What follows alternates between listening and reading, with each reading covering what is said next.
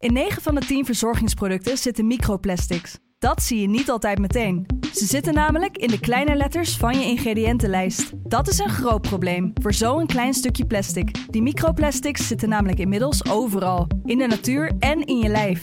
Gelukkig zijn er ook merken die gewoon microplasticvrij zijn. Want dat het anders kan, dat weten we bij Weleda, Lekker Company, Marcel's Green Soap, Naïef, Smaal en Witlof wel. Dus check de kleine letters. Die hebben de grootste impact.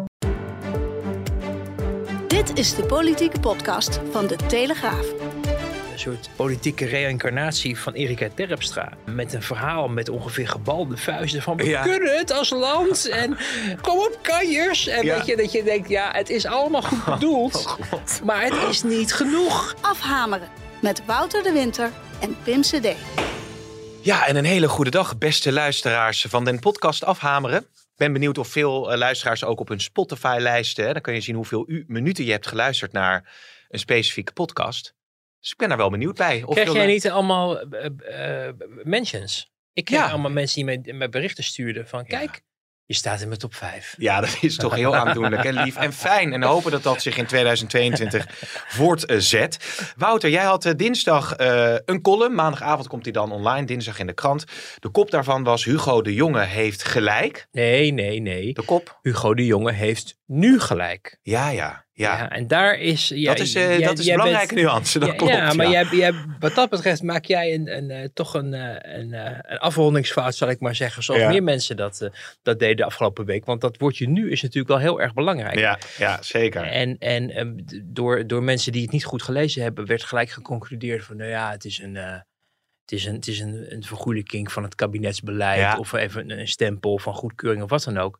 Eh, maar zo is het niet. Het ging om een specifiek onderwerp, namelijk dat de echte tweedeling op dit moment eh, in de samenleving niet tussen gevaccineerden en ongevaccineerden is, maar eh, bij ziekenhuizen tussen mensen die ehm, een belangrijke operatie of onderzoek uitgesteld zien vanwege het feit dat er op de IC-bedden een hele hoge bezetting is, die voornamelijk wordt veroorzaakt door een oververtegenwoordiging. Ik zeg het nog maar, een oververtegenwoordiging van eh, mensen die niet gevaccineerd zijn. Ja, ja, precies. Zo eh, moet je elk woord inderdaad op een weegschaal leggen. En dat doe ik hier als de presentatie van Afhameren gewoon even niet.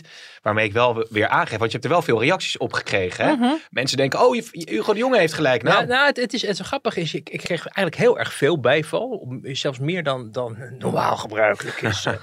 eh, zeg ik even, een beetje gechargeerd uiteraard. Maar uiteraard zijn er ook mensen die het er allemaal niet mee eens zijn, omdat sommige mensen gewoon hekel hebben Hugo de Jonge en het kabinet. En daarom is alles fout eh, en verkeerd. En er is echt ook genoeg te zeggen over wat er allemaal verkeerd gaat hoor. Want eh doe, kijk naar die, die boostercampagne. Dat is natuurlijk ook om je, wat is het, de uitdrukking, de De- de- oren van je kop te schamen. dat denk ik, ja. Ja, precies.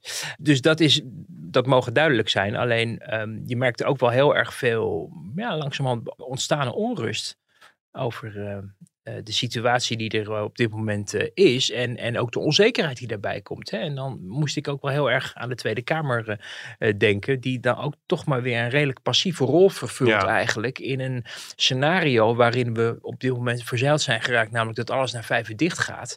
Dat we op een, iets van een soort plateau zijn gekomen. Maar Jaap van Dissel, de RIVM-bobo, al van aangeeft van dit plateau is te hoog. Hè. We moeten echt Hm. weg van die 22.000 of 20.000, maar echt fors naar beneden wil je die druk op die zorg eh, verlagen en eh, nou ja, het allemaal behapbaar eh, houden. En op dit moment, zeker met die Omicron-variant en de scenario's die je ook achter de schermen in Den Haag erover hoort, dat dat tot een nog veel groter aantal besmettingen kan Ja. leiden, omdat die variant besmettelijker is. En welke gevolgen dat dan vervolgens heeft voor de zorg hè? en voor de druk op de zorg en eh, eventuele triage, eh, het zwarte scenario, code zwart. En dan kijk je naar zo'n kamerdebat en denk je bij jezelf, nou, of Hm. daar nou de alarmbellen aan het afgaan zijn, dat valt wel bij Artje. Kuiken, hè? Maar Adje Kuiken wel. Zij is denk ik, eh dat is echt opvallende. We hebben het er vorige week natuurlijk ook over gehad. Maar zij, zij geeft wel aan en bleek ook al een beetje vooruit te blikken op het debat van volgende week. Wanneer er eh, over het uitbreiden van de, van de ja, het met 2G Mhm. wordt, wordt gedebatteerd. Of de introductie daarvan moet ik zeggen. En, en die ook wel echt aangaf van, van nou, we, we moeten echt nu dingen doen die we eigenlijk niet eerder voor mogelijk eh, hadden gehouden. Eh, zij heeft zelf ook een, een motie ingediend, die overigens verworpen is, samen met Bijeen en Volt, om nu veel harder in te grijpen. Ja. En dan zou het stelt zij expliciet voor om, om de horeca nu te sluiten. Eh, nou, dat kreeg, die kreeg geen meerderheid. Omdat mensen ook denken van, nou ja, als dit het pakket is, waarom zouden we, wat, wat volgens het RIVM genoeg is om, Mhm. om die besmettingen weer naar beneden te krijgen, waarom zouden we dan meer doen? Maar het geeft wel aan dat de PvdA bereid is om, om impopulaire dingen te doen. En Ja. daarin onderscheidt de PvdA als oppositiepartij zich momenteel, eh, vind ik, van, eh, van de rest van de oppositie. Je geeft nu zelf een mooie voorzet. Ik zeg tegen de luisteraars dat we het straks trouwens nog gaan hebben over de formatie natuurlijk. Want daar zijn ook veel eh, ontwikkelingen. We hebben nog een kandidaat voor eh, minister van eh, Volksgezondheid voor de volgende periode. Oké. Misschien nog heel eventjes Frentrop eh, beetpakken. Maar eerst, jij geeft zelf eh, de voorzet dat inderdaad eh, de PvdA durft om impopulaire maatregelen te nemen. Of in ieder geval met impopulaire plannen te komen. Ik vroeg dinsdag ook in de Tweede Kamer aan meerdere oppositiepartijen van nou, het is nu crisis. Wat zouden jullie da- dan nu doen om die zorg, eh, die druk in de zorg bijvoorbeeld te verlagen? Bijvoorbeeld eh, 2G, maar ook dat corona-toegangsbewijs breder inzetten. Ik ben ervoor, dan heb je klachten, blijf thuis. En als je klachten hebt, laat je gewoon testen. Ik zou in ieder geval degene die daarvoor verantwoordelijk is, zou ik ontslaan. En ik zou er iemand zoals Marcel Levy neerzetten. Mensen die ook in de ziekenhuizen werken, die lopen tegen hun grens aan. Die overwegen de sector te verlaten. En je moet nu alles op alles zetten om die mensen voor de zorg te behouden. Ja, daar voegde Wilders ook nog aan toe van... ja, het is heel flauw om mij daar nu mee te confronteren... want ik heb eh, een aantal maanden geleden een motie ingediend... en toen rende iedereen naar de parkeergarage. Dat ging dan om meer salaris voor het zorgpersoneel. Maar je ziet dus dat ze over elkaar heen buitelen met allerlei eh, ideeën. Maar ja, wat eh, Van der Plas ook zegt, van ja, laat je testen, blijf, eh, blijf thuis. Ja, als het zo makkelijk was. Ja, nou, maar dat is met alle respect. En je gunt echt iedereen het podium. Het zijn volksvertegenwoordigers. En eh die zitten namens de hele bevolking. En iedereen doet het vanuit zijn eigen ja, achterban. Maar dit is natuurlijk wel heel erg makkelijk. Ik ben er gewoon voor dat iedereen zich aan de maatregelen houdt en zich laat testen. Ja. Ja. Nou, dat, dat, die strategie is, is, is goed uitgepakt, maar niet heus de afgelopen maanden. Ik bedoel, daar zitten we al niet meer. Dat kan je niet meer nu, eh, als, als je, je jezelf en je werk serieus neemt, kan dat niet je oplossing zijn voor waar je nu als land in, in verzeild bent geraakt. Hoe erg het ook is en hoe, hoe pijnlijk het ook is. En ook voor de achterban van verschillende partijen. Want je kan, we hebben het nu over, over BBB, één zetel.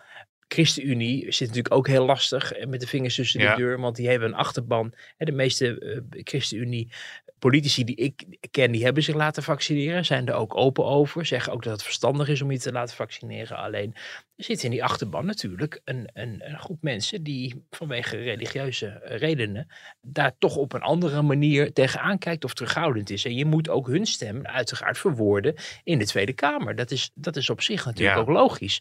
Alleen, ik zag van de, van de week eh, in het debat ehm, de geachte afgevaardigde van de, eh, van de ChristenUnie dan het, het, het woord voeren. En die deed mij toch wel een beetje denken aan een soort politieke reïncarnatie van Erika Terpstra.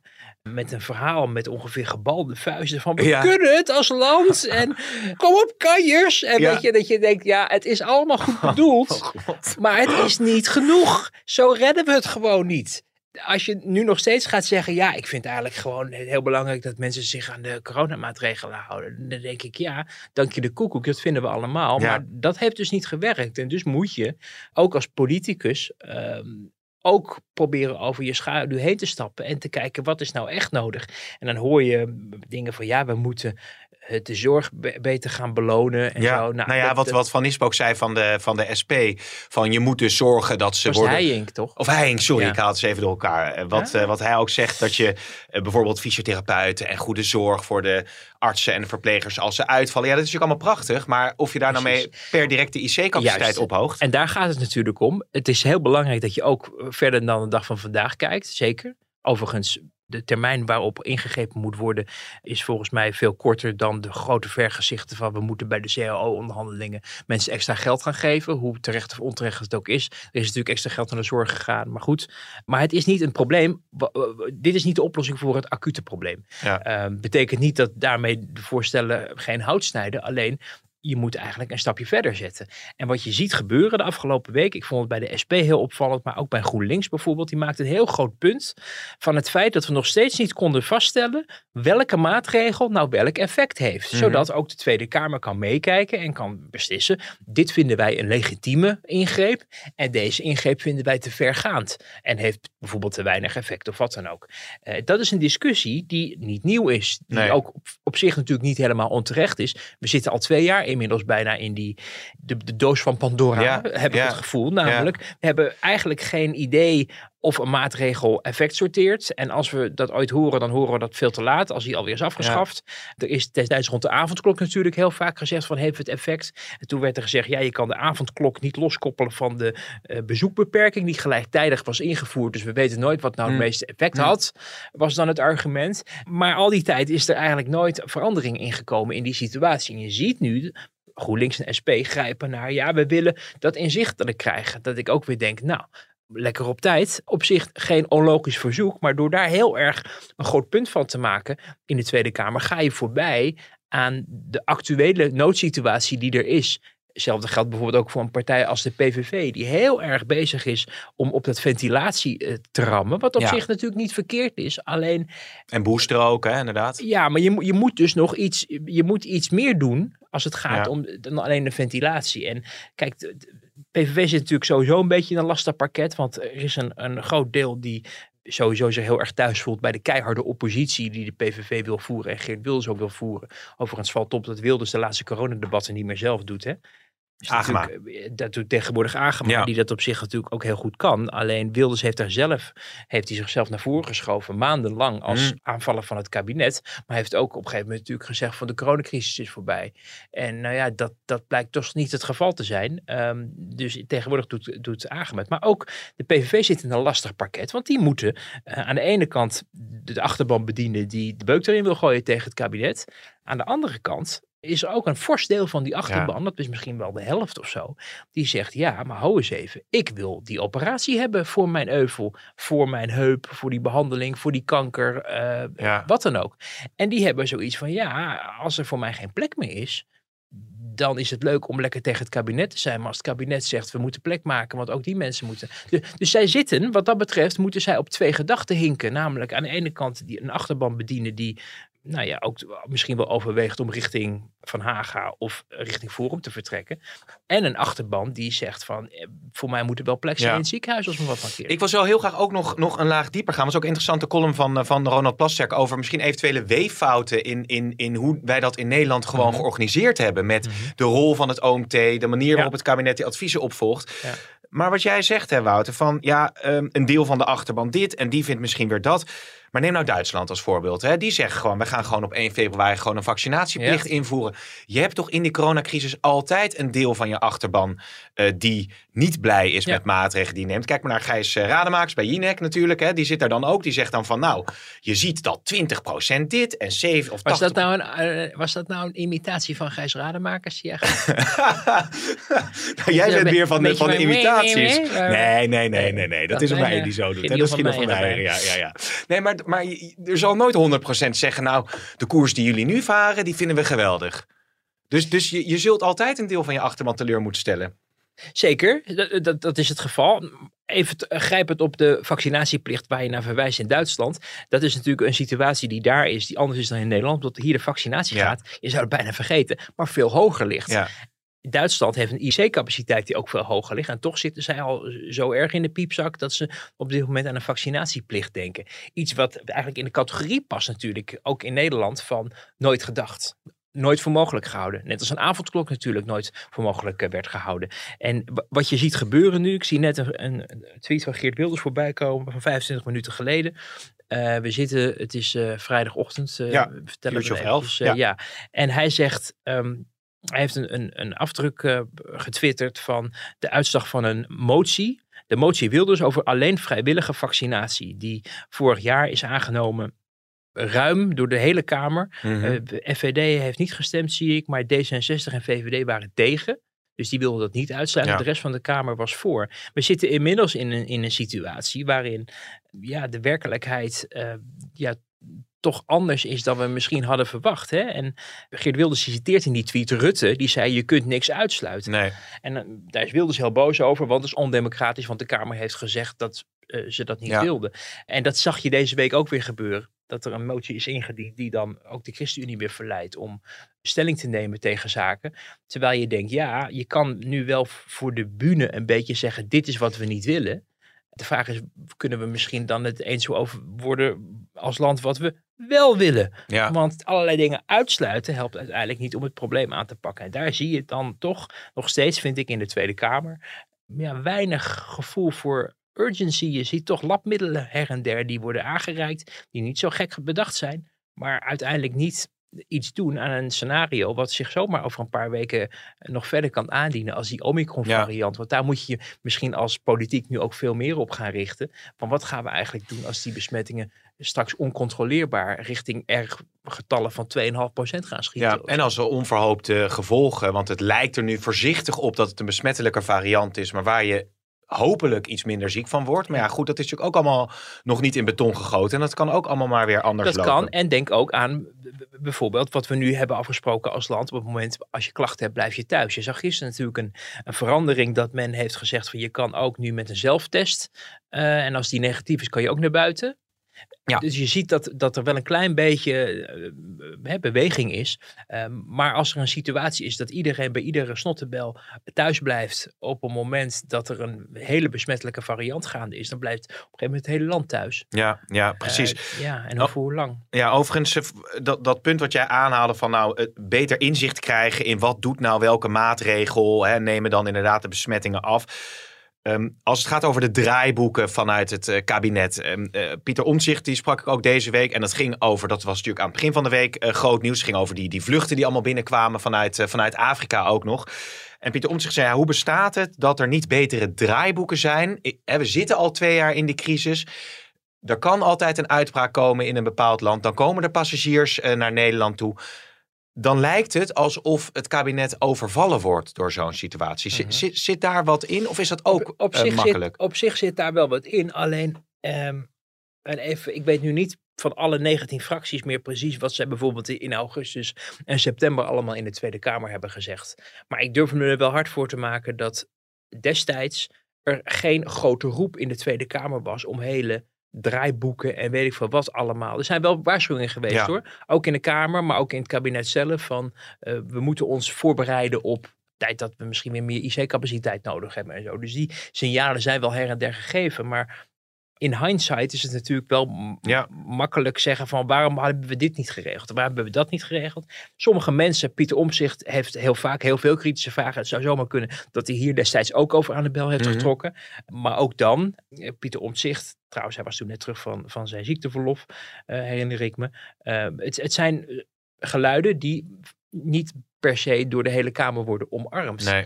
Er zijn Kamerleden geweest die over dingen aan de bel hebben getrokken, ook met moties, die dan vervolgens geen meerderheid kregen, waardoor ook het kabinet makkelijk zoiets naar zich neer kon leggen, maar ook kon conclu- concluderen, het is niet de wil van de Kamer dat ik dit ga doen, Mhm. dus doe ik dat niet in een tijd waarin ik nog 39.000 Nee. andere dingen te doen heb. Ja, Dus, dus dat, dat, dat maakt het wel ingewikkeld, waarmee ik niet wil goed praten dat je bepaalde draaiboeken niet had kunnen voorbereiden. Ik zeg er wel bij. We hadden vroeger ook nog die hele schema's van wat er gebeurde bij. ja. Weet je, dingen zijn vaak goed bedoeld, maar blijken uiteindelijk in de door de realiteit te worden ingehaald. ja. Wat wel een, een punt is, denk ik. eh, zeker ook als je het hebt over het OMT en de manier waarop die adviezen gaan. Eh, en ook nu de hele commotie rond de gezondheidsraad, die rond de Ja. boosterprikken eerst heeft gezegd: het is niet nodig op dit moment op de hele bevolking dat te gaan toedienen. Want men is nog eh, voldoende beschermd naar aanleiding van de, de, de eerste twee vaccinaties.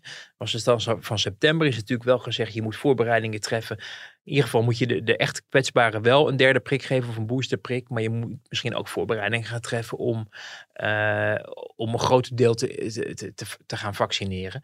Maar er gaat in Nederland gewoon te veel tijd eh, Ja. verloren tussen onderzoeken, adviezen, eh, beraadslagingen en uiteindelijke implementatie van datgene wat nodig is. En dat zie je rond het boostervaccin eh, natuurlijk heel duidelijk gebeuren, maar je ziet het ook over de OMT. OMT 28 oktober met een advies, implementatie negen dagen later. Negen dagen. Negen dagen op het moment 28 oktober gingen die besmettingen al, al, al, al stijl omhoog ongeveer. Als je dan uiteindelijk tot de conclusie komt dat je negen dagen later pas maatregelen neemt, die dan vervolgens twee of drie weken later pas effect sorteren, dan zitten we dus al echt richting de tweede helft van november. Is het natuurlijk niet verwonderlijk dat dingen ehm, uit de hand lopen, dat de bevolking gefrustreerd raakt en het gevoel krijgt Waarom heeft het kabinet niet eerder ingegrepen? Want we wisten immers eind oktober, of misschien wel iets eerder dan eind oktober, toen de adviesaanvraag aan het OMT gedaan werd, dat de dingen uit de klauw begonnen te lopen. Ja. En, en dan kan je zeggen, ja, zo hebben we dat nou eenmaal in Nederland geregeld. Maar ik denk wel dat het heel belangrijk is dat het kabinet, en ze gaan ook wel hè, voor de aanpak voor de komende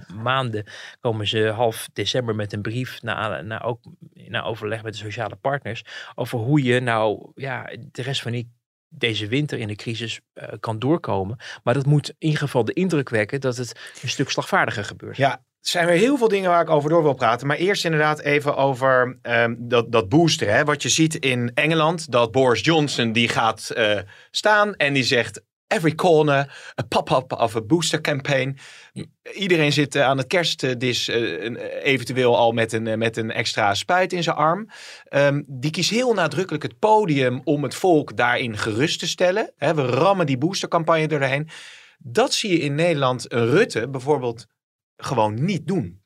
Die zegt niet van landgenoten, landgenoten, ja sorry voor mijn woordkeuze we gaan gewoon ervoor zorgen dat in heel december iedereen de boostercampagne, uh, boosterprik in zijn arm kan hebben. Ja, dus wel. ja ik, ik, heb dat, ik moet je zeggen, ik heb het ook gemist hoor. Ik heb, uh, dat stond ook in die column. Uh, ja. Um, weet je, je kan Hugo de Jong allerlei verwijten maken. En de meeste zijn terecht. maar hij heeft wel heel duidelijk het, het dilemma geschetst. En, en heel duidelijk gezegd wat er moet gebeuren.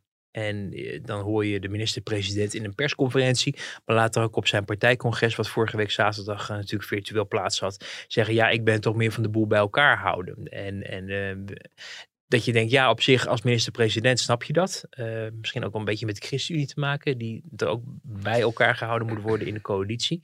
Uh, maar op een gegeven moment is, is ja, moet je ook concluderen dat dingen niet meer gaan zoals je ze zou willen doen onder normale omstandigheden. De boel bij elkaar houden is voor minister-president een hele belangrijke taak. Maar op het moment dat een land in crisis zit, moet je inderdaad uh, ook meer, um, ja, toch wat, wat directiever uh, je, je richten tot uh, de samenleving. En hij zegt dat dat dan niet bij hem past. Niet de manier waarop hij politiek uh, wil bedrijven. Hij heeft het wel gedaan natuurlijk, hè? in e eerdere fase in de crisis. ja, en in het debat heeft hij ook wel iets duidelijker gas gegeven. Op eigenlijk hetzelfde punt wat Hugo de Jonge tijdens de persconferentie maakte. Maar goed, Rutte is wat dat betreft ook heel bewegelijk. Als iemand zegt, uh, spring door een hoepel, want dan krijg je mijn steun. Dan springt Rutte door die hoepel. Dus dat is op zich natuurlijk niet, niet, niet heel erg verwonderlijk. Maar het gaat wel ook een beetje, je mist wel de begeistering uh, op, op dit vlak. Ik wil overigens niet zeggen dat uh, Boris Johnson nou de... Nou, die heeft wel begeistering. Ja, maar om nou te zeggen van dat is de, de, de voorbeeldige minister-president, de manier waarop hij, dat is ook vaak ja, management by speech voor een uh, ja. belangrijk onderdeel. Wat ik interessant vind is hoe zij de persconferenties daar ook met de experts tegelijk voeren. Hè, wat we in het begin van de crisis ook in ja. Nederland hebben gehad met Jaap van Dissel. Ja, met en, de beruchte handschud nog. Hè? Ja. Precies, ja. Uh, en, en, maar Boris Johnson, daar hebben ze nu een strategie bedacht in Groot-Brittannië van nou ja, als iedereen het krijgt, dan, dan zijn we er ook weer snel van af. Um, hoorde Ernst Kuipers daar een paar weken uh, geleden van zeggen op televisie dat de inhaaloperaties in Groot-Brittannië veel hoger zijn uh, dan, dan in Nederland. Dus dat het, het stuwmeer aan ja. achterstallig onderhoud, zullen we maar zeggen, daar heel erg veel uh, verder oploopt. Um, en dan kan je ook afvragen, wil je dat als samenleving? En krijg je, welk gezondheidseffect heeft dat op de uh, middellange termijn? Op mensen. Dus, ja. dus, zo, dus ik wil ook niet zeggen van oh, Boris Johnson is, is de perfect. Maar ik, ik, ik miste wel uh, heel duidelijk wel dat het, de ernst van de situatie en het, en het dilemma en het, de noodscenario's zoals we ze ook gisteren weer uh, verteld hoorden worden in, bij frontberichten, maar ook bij Bo, waar de, de, het hoofd van de eh, ik geloof de het ziekenhuis in Groningen van de IC Hm. zat om te vertellen, ja, we zijn eigenlijk al met een halve code zwart bezig. Ja. Of misschien wel een hele code zwart. En die realiteit eh, mag, vind ik, veel meer worden uitgestraald door de politiek. Ja, want je ziet het dus wel gebeuren door inderdaad hoofd van, van IC-afdelingen die dat dus doen. En je vertelt net eh, dat in Groot-Brittannië dan Boris Johnson het woord voert. Nou, Foutje hebben we ook al eerder eh, genoemd natuurlijk in Amerika. En in Nederland heb je dan Van Dissel en Rutte die logische personen zouden zijn om het volk ervan te doordringen dat we echt in een grote crisis zitten. Ja. En Hugo de Jonge is eigenlijk degene. Ja, die mag de klappen opvangen. Ja, En, en, ehm, en Rutte, die zie je daar weer een stuk minder eh, bij. Nu is Rutte natuurlijk ook weer met die formatie bezig. En we kennen in Nederland niet het systeem dat je een soort Dr. Fauci hebt die, die dagelijks bijna op televisie aan het vertellen is vanuit hè, staatswegen over hoe de situatie is. Wij hebben hier eh, een soort, ja, een soort stuw meer aan virologen, OMT-leden en iedereen heeft er een mening over. En dat zijn heel vaak helemaal geen onzinberichten, maar je mist die coördinatie en die ehm, Ja. ja. soort een, de Surgeon General, zag ik gisteren. Dat is dan de, de, ja, de, de, de minister van Volksgezondheid in, in Amerika. Die dan bij Wolf Blitzer van CNN nog even vertelde wat er bijvoorbeeld ging gebeuren rond het Omicron variant en inreizen en zo. Maar je ziet gewoon dat er andere mogelijkheden zijn om, een, om vanuit de overheidswegen geloofwaardig een boodschap te vertellen in, in deze Ja. crisistijd. Alleen, ook hiervoor geldt, we zitten nu er eigenlijk al zo middenin dat je dat niet even morgen Nee. veranderd hebt. Je kunt niet eh, je hele structuur waarin je besluitvormingen neemt eh, eh, ook spontaan gaan veranderen. Maar dat is inderdaad ook wat Plasterk aanstipt. Is Ja. van hoe wij georganiseerd zijn hierin. Ja. Nou, je benadrukt het zelf ook. Was eigenlijk niet optimaal. Ik moet een beetje lachen. Je had het over Searching General. Ja. Maar Wilders zegt in, in Portugal hè, hebben we een generaal. Ja. Want- Ja. en die, maar ik vind het, het is ook wel weer grappig dat, dat je in alle landen kunt gaan eh, cherrypicken. Ja, ja, En, ja. want gisteren zag ik op Nieuwsuur hoe ze het in België, of eergisteren, dat- hoe ze het in België voor elkaar hebben. Hè. Daar zie je dan weer van, nou, de boosterprikken worden daar dus per eh, verschillend vaccin. Dus als je Janssen hebt, ben je eerder aan de beurt. En als je Pfizer weer later. Maar dat is in Nederland dan ook weer niet zo. Dus je kunt altijd terugkoppelen naar Nederland. Zes regeringen, eh, verschrikkelijke wegen, maar ze kunnen wel boosten. Dus, eh, dat ja. is dan toch wel weer. Nee, maar, maar dat is natuurlijk ook zo. Er wordt, je doet aan cherrypicking en de ene dag is een land. Tot Portugal ging heel erg slecht een tijdje in de crisis. Nu gaat het daar heel erg goed, omdat mensen zich massaal la- laten vaccineren. In kabinetskringen hoor je dan, ja, dat komt omdat het zo slecht ging daar. Dus mensen Ja. zijn daar veel banger geworden. Ook in Spanje, eh, ook in Italië. Natuurlijk de verschrikkelijke beelden in, uit Noord-Italië met, eh, eh, toen, toen de coronacrisis startte. Dus het angsteffect zou een veel grotere impact hebben op de vaccinatiebereidheid. Hoor je mensen in het kabinet zeggen. Ehm, en het is inderdaad zo, de ene, het ene moment is Zweden nog het voorbeeld. Want kijk, daar kon je toch Ja. wel je leven leiden. En nu gaat het daar weer helemaal niet goed. En zo is er, ja, Duitsland was trouwens ook heel lang een voorbeeld. Want hoe kon het toch dat in Duitsland, ja, in Duitsland hielden mensen zich tenminste aan de regels. En hielden ze afstand. En hadden ze Ja. FFP2-maskers. En dan kwam het allemaal goed. Nou, daar kwam je nog mee thuis, weet je nog? Een keer I met zo'n masker. die ja. dingen die ze verschrikkelijk in je oren snijden. En, en nu zitten we in een situatie die bijna, ja, bijna erger begint te worden Ja. dan in Nederland. Als het gaat om, eh, in ieder geval om de va- vaccinatiebereidheid Ja. in Duitsland. Zouden ze nou in het buitenland wel zeggen van nou, hoe ze het in Nederland van elkaar hebben? Met die coronacrisis, daar kunnen wij nog een puntje aan zuigen. Dat is, They have Hugo de Jonge, hè? die hebben het zo goed geregeld. nou, dat is wel een goede vraag. Wat zou er nou Ehm, in Nederland goed geregeld zijn? Nou, dan? de vaccinatiegraad is die is natuurlijk heel wel goed. Ja, En, en het is iets lager dan, dan Portugal, maar het is in, in ieder geval veel hoger dan Duitsland. ja. Denk aan Amerika, hè, daar is on- ongeveer rond de 60 procent. Ja. Dus, en, dat is en dat blijf ik, maar goed, dat is meer een, een private opvatting hoor. Maar ehm dat fascinerend is dan in een land waarin, nou ja, ik geloof dat ze iets, denk aan dat ze iets boven de 60 procent nu zitten. Maar eigenlijk gewoon hun leven leiden daar. Hè. Je moet daar mondkapjes binnen kamers dragen. En that's it. Ja. En dat is wel, als je kijkt naar hoe hier het land om vijf uur op slot gaat. En daar gewoon. En dan, ik vraag ook wel eens in de Kamer van hoe kan het nou dat dat daar wel kan en, en bij ons niet? En de filosofie die je dan wel eens hoort. Ik was vorige week daar met een, met een eh, prominent Kamerlid over gesproken. Die zei ja, wij zitten in Nederland toch een beetje in Oh een ja. situatie dat als jij... eh, of heb ik dat al verteld? Nee, nee, nee, sorry. Ik, zit, ik probeer hem in te vullen, maar vertel. Af en toe denk ik, ook, Ja. heb ik het vorige week Nee, al helemaal niet. Nee, ik, ik hang aan je lippen, Wouter. Ik hang aan je lippen. Maar wij spreken elkaar natuurlijk ook wel eens als de microfoon niet Ja, aanstaat. klopt, Dus Misschien ja. heb ik het toen aan Maar je dit is nieuw voor mij. Maar dit is, oh gelukkig. Eh, nee, dat, dat, dat, dat Kamerlid zei, kijk, wij hebben in Nederland natuurlijk op een gegeven moment gezegd, je laat je vaccineren en dan krijg je je vrijheid terug. Even kort samengevat. En natuurlijk moet je je nog aan de basismaatregelen houden, maar er komt een hele nieuwe situatie aan op het moment dat mensen gevaccineerd zijn. En ehm, eh, daarmee werd een signaal afgegeven aan de bevolking van als je maar laat vaccineren, dan zit het goed. Denk aan dansen bij Jansen Ja. ook. Hè, dansen met Jansen, wat, wat zelfs de minister van Volksgezondheid heeft aangegeven. Van dan kan je weer lekker doen waar je, waar je, hè, zoals je het gewend was. Terwijl in de Verenigde Staten er een veel groter beroep wordt gedaan op de eigen verantwoordelijkheid van mensen. Wil jij je niet laten vaccineren? Prima, maar dan ligt die koel, staat die koelwagen in New York, die we hebben gezien in de, in, aan het begin van de crisis, ook klaar. Dus je bent veel meer aangewezen ook op het zorgsysteem en ook op de grillen daarvan. Ja, Op het moment dat jij ehm, geen zorgverzekering hebt ja, en je in de problemen komt, dan eh, is de kans dat je de boel gaat overleven niet zo Ja. groot. ja. En dat, daar gaat een bepaalde angst vanuit. Ik wil nou niet zeggen dat iedereen in Amerika zich dan vervolgens voorbeeldig aan allerlei andere basismaatregelen houdt. Want ik ben daar geweest deze zomer en je zag eh, anderhalve meter afstand. Dat was echt, eh, nou, dat gebeurde, zag je op, op veel plekken eigenlijk helemaal niet gebeuren.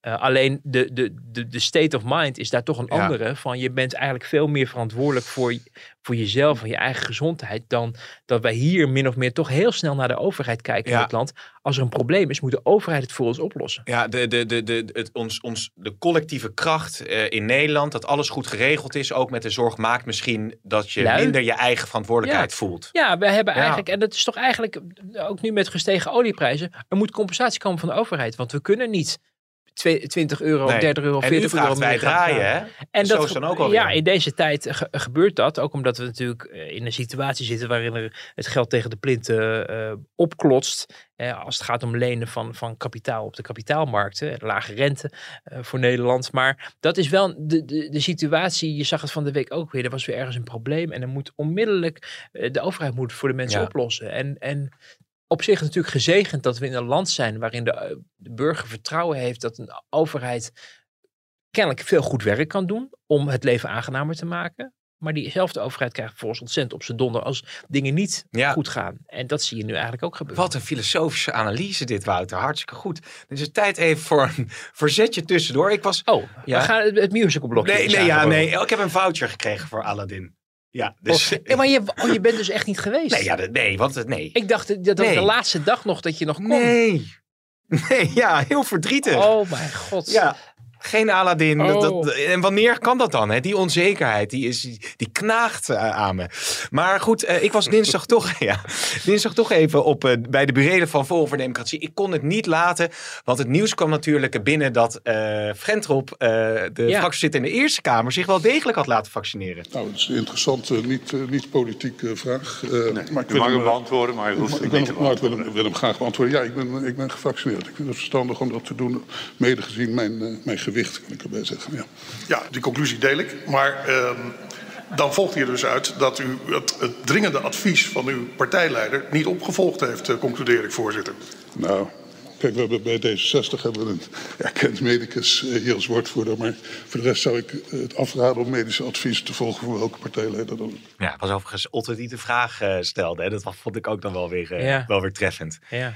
Maar eh, ja, goed, ik wilde dus toch, ik was toch wel even benieuwd hoe ze daar nou bij Forum eh, daar keken verder. Hij was er niet. Ze hadden een schriftelijke reactie. Hè, Nee, dat- het is op huwelijksreis misschien wel. Zou dat het zijn met Davide? Ja, je weet het niet. Met Davide. Oh, je bent, Ja, mooie je bent stiekem ook een beetje verliefd op Davide. Ik vind Davide een, eh, een, een knappe vrouw. Ja, zeker. Oh. ja, ja, ja, fotograaf ook, hè, volgens mij. Je ziet Ja, daar wel dan eens, weet je het wel. Nee, maar je ziet daar wel eens lopen, omdat zij ook eh Forum fotografeert. Dus toen geloof ik Theo Hiddema beëdigd werd als Eerste Kamerlid. Toen was zij mee om dat eh, vast te leggen op camera. Dus toen zag ik haar daar lopen en toen heb ik even gevraagd, goh, eh, hoe gaat het? Je moet met iedereen Zeker. je goed verhouden, ook met eh, nou, de, de vrouw je, van Thierry je Baudet. moet de lijnen open houden. Dat, Ja. dat, is, dat is de voorkeursvariant. Maar dit was toch wel een beetje, ja, ik, ja als uiteindelijk de fractievoorzitter van de Eerste Kamer besluit om zich te laten vaccineren, dan is het eigenlijk een middelvinger naar waar de Forum voor Democratie Ja. voor staat. Maar ja, hij, hij, hij heeft wel gelijk natuurlijk. Je moet geen medische adviezen van je partijleider uh, heilig verklaren. Nee. Zeker niet als ze zo absurd zijn als, als Baudet ze uh, uitspreekt. Uh, maar het geeft ook alweer de hypocrisie aan. Hè? Bedoel, als het om je eigen gezondheid gaat. Als je om je eigen dat is net als met Trump natuurlijk, die zich liet vaccineren, maar er geen rugbaarheid aan wilde geven. Um, en tegen zijn achterban twijfel aan zaaien was over het vaccin. Totdat hij, nou niet eens zo lang geleden, heeft gezegd: het is toch maar verstandig dat je het wel doet. Uh, maar het is natuurlijk ontzettend hypocriet om, om, om uh, onderdeel te zijn van een partij die op dit essentiële moment in de crisis, uh, weliswaar misschien niet in de Senaat dan zozeer, maar veel meer in, in de Tweede Kamer, dingen de wereld inslingert die, die complottheorieën zijn, die onwaarheden zijn, die, die nepnieuws bevatten, die nou ja, in feite ja. Uh, mensen die totaal geen zicht hebben op, uh, op de wetenschap, op de feiten, uh, een, een soort kletsverhaal ophouden. Wat ze gaan geloven, omdat Thierry Baudet zegt als de grote roerganger. En dan vervolgens zonder enig besef van, ja, ja, hoe moet je het eigenlijk, ik weet niet ja. ik heb er eigenlijk geen woorden voor, maar dat je dan wel onder de vlag van diezelfde partij um, um, het woord voert in de Senaat. Ik, kijk, natuurlijk kan je van mening politiek verschillen af en toe. Dat heb je in elke partij over, over wat er belangrijk is dat gedaan moet worden in Nederland. En beleidsmatige dingen. Uh, sommige mensen zijn voor de vrijheid van onderwijs, anderen tegen. Sommige mensen zijn voor uh, hogere belastingen en of het afschaffen van de toeslagen. Uh, nou, hoewel zijn mensen voor hogere belastingen? Nou ja, wel als ze er bijvoorbeeld rijk, rijke mensen mee kunnen pakken. Dan zijn sommige mensen daarvoor. Ja, ja. Dus, uh, dus dat zijn allemaal, maar dit gaat wel even om iets anders. Hè. Dit gaat om de volksgezondheid. En dit, ja, ik vond het een enorme manifestatie van hypo hypocrisie. Ja, ja, ja, nee, dat is uh, duidelijk. Nou, laten we het dan nog eventjes over de formatie uh, hebben, ja. in ieder geval. Um, je bericht uh, in de krant volgens mij hè, vandaag dat er twintig ja. ministers moeten gaan komen en dat de VVD en D66 daarin een grotere share hebben, omdat ze natuurlijk ook bij de verkiezingen ja. de twee winnaars zijn geweest. Ja, um, 30 bewindspersonen, 20 uh, ministers, 10 staatssecretarissen.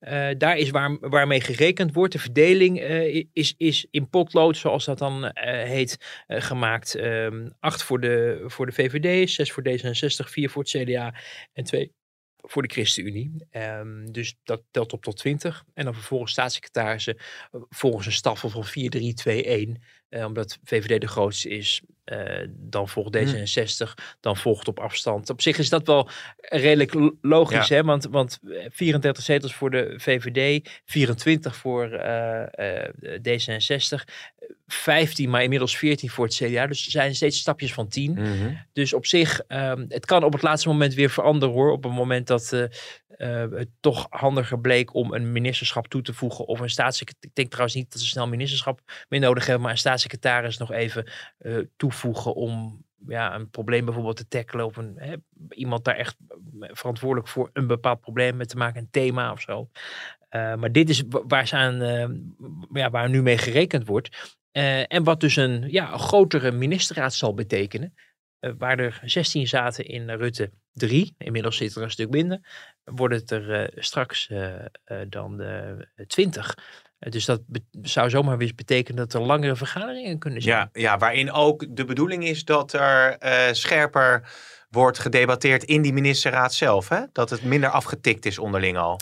Dat, maar ook vooral een grotere afstand is tussen de Tweede Kamer ja. en, en uh, kabinet. Dat is iets wat uh, Sigrid Kaag in ieder geval uh, heel duidelijk heeft uitgesproken dat ze dat wil. Ja, ik weet niet of dat altijd zo handig is. Ik snap het, de gedachtegang wel, omdat je af en toe het idee kreeg van hè, het, het, het, land wordt bestuurd in het coalitieberaad op maandagochtend. Ze waren in de top van de coalitie, fractievoorzitters en vicepremiers en premier bij elkaar zitten ja. en, en de horloges gelijk uh, aan het zetten waren, waardoor er veel minder ruimte was voor uh, debat, maar ook voor uh, het aankaarten van misstanden. Hè, dat zag je op een gegeven moment natuurlijk ook in die notulen duidelijk worden. Die zijn vrijgegeven dat uh, het, het, doel was vooral om, om, een beetje solidair met elkaar te zijn in de ministerraad. Ja. In plaats van te luisteren naar welke problemen er zijn in het land en welke Kamerleden daar proberen um, daar wat veranderingen in aan te brengen.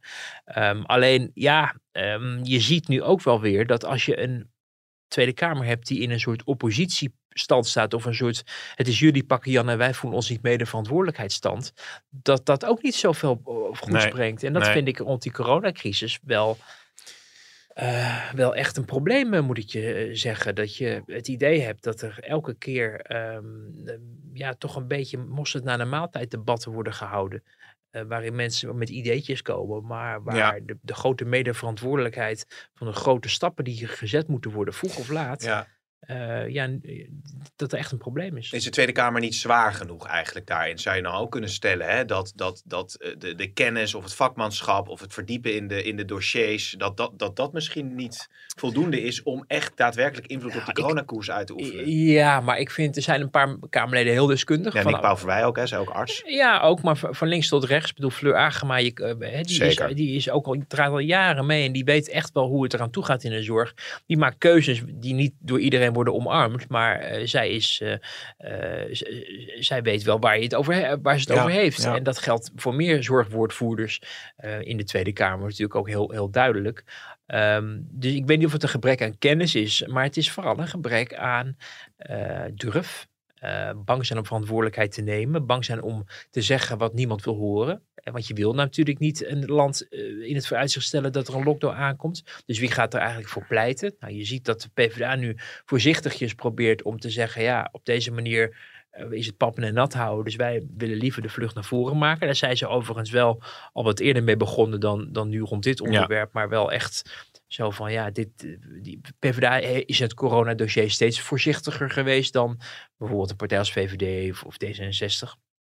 Ehm, maar het is in ieder geval een partij die verantwoordelijkheid eh, neemt. En je ziet ook inderdaad, maar goed, daar hadden we het net over, dat, dat het moeilijk is om vervelende boodschappen aan je Ja. achterban te geven. Ja. Zeker als jij in het landsbestuur geen, in het kabinet geen verantwoordelijkheid draagt. Want waarom zou jij de kooltjes uit het vuur halen voor andere partijen of je aansluiten bij een coalitie die bijvoorbeeld je net nog de deur heeft gewezen? Ja. Als het gaat om GroenLinks zit natuurlijk best wel veel. En ook PvdA is iets van wrok. Van ja, jullie wilden niet met ons. Ik snap die emotie wel. Maar wat je wel zag de afgelopen jaren. Dat op het moment dat partijen. Eh, zeker als het moeilijk gaat, verantwoordelijkheid durven nemen. Dat dat door de kiezer ook wel beloond is. Hè? Vergis je niet hoe dat destijds ging met, eh, met D66 bijvoorbeeld. Die in de gedoogconstructie eh, heel, heel vaak niet mee mocht doen. Maar uiteindelijk er wel voor heeft gezorgd. Heeft Pechtold destijds toch echt slim gedaan. En later ook daarop voortbordurend ook Kaag heeft gezegd van, die heeft toch een perspectief geboden. En waardoor ze mooie winst heeft geboekt met de verkiezingen. Terwijl ze uit een situatie zat waarin ze ja, toch met rechtse partijen en christelijke partijen gevangen leek te zitten. Eh, maar dat heeft de kiezer Nee, uiteindelijk er nee, niet op afgestraft. nee. Dus dan zie je wel dat als jij je nek durft uit te steken en zegt ja, we gaan het toch doen, hoeft niet per se verkeerd uit te pakken. Nee, nee.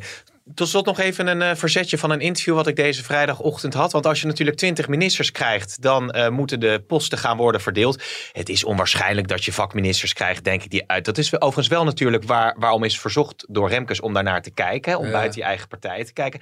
Nou is er iemand die niet bang is om te zeggen wat hij wil. En toen ik eh, eh, Marcel Levy vroeg of die open stond voor een eh, minister van Volksgezondheidschap, toen antwoordde die als volgt. Ik heb gezegd van eh, als, als de onwaarschijnlijke gelegenheid zich voor zou doen dat iemand bedenkt dat ik dat misschien maar moet doen, dat ik daar heel serieus over na ga denken. Ehm, omdat ik vind dat als je altijd alles zo goed weet, dan moet je ook af en toe die verantwoordelijkheid nemen als die kans zich voordoet. Maar nogmaals, ehm, het is nu op dit moment volgens mij helemaal niet aan de orde. Nou, wordt het Hugo de Jong of Marcel Levy? Of Nou, toch iemand anders? Nou, ik vind wat de argumentatie vind ik, vind ik een mooie. Van je kan wel van alles roepen langs de Ja. zijlijn, maar je moet ook bereid zijn om het te doen. Ehm, ja, rumor has it dat hij van de, van de Partij van de Arbeid is. De PvdA heeft gezegd bij leveren geen ministers, gaan ook geen steun eraan Nee. geven en zo. Nee. Ja, uiteindelijk, maar goed, hij hoeft niet naar Lilianne Bloemen te luisteren als hij gevraagd wordt. Ehm, de, de Haagse ja, werkelijkheid was altijd zoals ik hem heb leren kennen. Dat mensen die zichzelf aanbieden voor een ministerschap eh, niet aan de beurt eh, komen. Oh. Ik heb ooit nog eens met een fractieleider van een regeringspartij eh, gesproken. Op een gegeven moment moest er iemand afscheid nemen uit een kabinet. En eh, die kreeg toen een, een, een appje van een prominent eh, eh, partijlid. Die zei, ik wil het wel doen. Mhm. En dat werd toen opgevat als Judas, weet Oh je. ja, de- het, ja. het lijk is nog niet koud of je begint al jezelf nog in de... Dus dat werkt vaak averechts. Ja. In dit geval misschien iets anders, omdat het leven niet, niet echt politiek actief is op dit moment. Daardoor ook niet een soort verantwoordelijkheid of, of ja, groepsgevoel heeft Ja. met een bepaalde eh, partij. Ehm, ik denk ehm, ehm, wel, of ik vraag me wel af. Het is natuurlijk wel zo dat men inderdaad probeert experts te vinden. Het feit dat iemand verstand heeft van medische zaken kan helpen. Aan de andere kant, politiek is wel een vak. Hm. Ehm, de manier waarop ik Marcel Levy hoor praten over hoe het allemaal anders moet, vind ik eh, interessant. Ja. En wijkt vaak ook af van wat je bijvoorbeeld hoort van Kuipers, Gommers, Koopmans. Ehm, hij, is, hij heeft toch altijd wat meer relativeringsvermogen. Ja. Maar ehm, zet zo iemand op een ministerie neer in de Haagse werkelijkheid, waarin hij Ja. draagvlak moet zoeken binnen het kabinet, ehm, zijn ambtenaren op één lijn moet krijgen, eh, vragen moet stellen aan die ambtenaren, Ja. eh, besluiten moet nemen die misschien populair of minder populair zijn. Ehm, Klap opvangen. Ook dat. Het, er komt een enorme baggerstront over je Ja. heen. Nu lijkt het nog allemaal zo leuk. Maar zoals Hans Wiegel ooit zei. De eerste en de laatste dag zijn de leukste dagen van je ministerschap. het wordt eigenlijk best wel naar. Zeker in een crisis. Eh, dus ik weet niet of het per se een succes zal worden. Nee. Maar ik wil ook niet zeggen Nee. van oh het is onmogelijk. Want ja, eh, het is inderdaad moeilijk om ook nog mensen te vinden die een grote mond hebben. En ook bereid zijn verantwoordelijkheid te nemen. Ik, ik zit te denken of hij nou in de, in de kerstspecial van de Linda... Nou ja, goed, laat maar. Sorry, Wouter, komt even niet laten. Maar nou, qua... hij vindt die aandacht wel Dat denk ik wel, hè? Dat, dat, dat, Ja. dat kunnen we alvast intekenen voor, eh, voor volgend jaar. Zullen we, want we, ja, we hebben natuurlijk heel veel eh, wat, wat nog open ligt. eh, Maar zullen we dat even voor de volgende week bewaren? We hebben Amalia nu nog niet besproken. Die natuurlijk 18 wordt, maar we zijn al bijna een uur op weg. Of wil je er nog een slotwoord tot de luisteraar aan het is richten? natuurlijk vrijdag is het. Ik, ik ga dan, als alles goed gaat, ben ik erbij in de zaal op het moment dat ze ingeleid wordt. Oh, wauw. Eh, of binnengeleid wordt, Ja. moet ik zeggen. En dat, dat, eh, dat ben ik wel benieuwd naar hoe Ja. dat gaat. Het is een historisch moment. Eh, En dat is volgende week? woensdag. Woensdag, Woensdag, aanstaande woensdag is dat. Maar het wordt een, wordt een bijzonder moment. En ehm, nou ja, de, de, de verwachting is dat ze iets zal zeggen. Haar vader zal eh, wat zeggen, net als Beatrix dat deed toen Willem-Alexander kwam. Ik heb van de week eh, even de beelden teruggekeken van Willem-Alexander in 1985, hoe hij dat deed. Dan zie je echt een jongetje. Echt een jongetje Ja. van 18 naar zijn neus krabt en om zich heen kijkt. En zijn vader zit naast hem en zijn moeder glimlacht vriendelijk naar hem van het is goed zo. Het verheugt mijn man en mij in uw midden te zijn. In deze buitengewone vergadering van de Raad van State. Ten einde onze oudste zoon, de prins van Oranje, in de Raad binnen te leiden. Willem-Alexander. Ja. En, en, en na zo'n moment gaan we het natuurlijk nu ook zien. En eh, ja, het wordt heel interessant om, om Amalia ook niet alleen in een boek te lezen, maar ook publiekelijk iets te horen zeggen over de verantwoordelijkheid die vanwege haar geboorte wacht. Ja. Eh, dus dat wordt een bijzonder moment deze week. Jemig. Volgende week. Ja. Nou, daar hebben we het dan volgende week weer eh, uitgebreid over. Mooi dat je die historische momenten allemaal mag meemaken. En eh, dank weer voor je tijd. En we gaan het volgende week allemaal Jij, bespreken. jij daar naartoe, ik naar Aladdin, wie weet. Ergens volgend jaar. Nee, Er blijven sprookjes. Dat zijn nou inderdaad, ja. Wouter, dankjewel.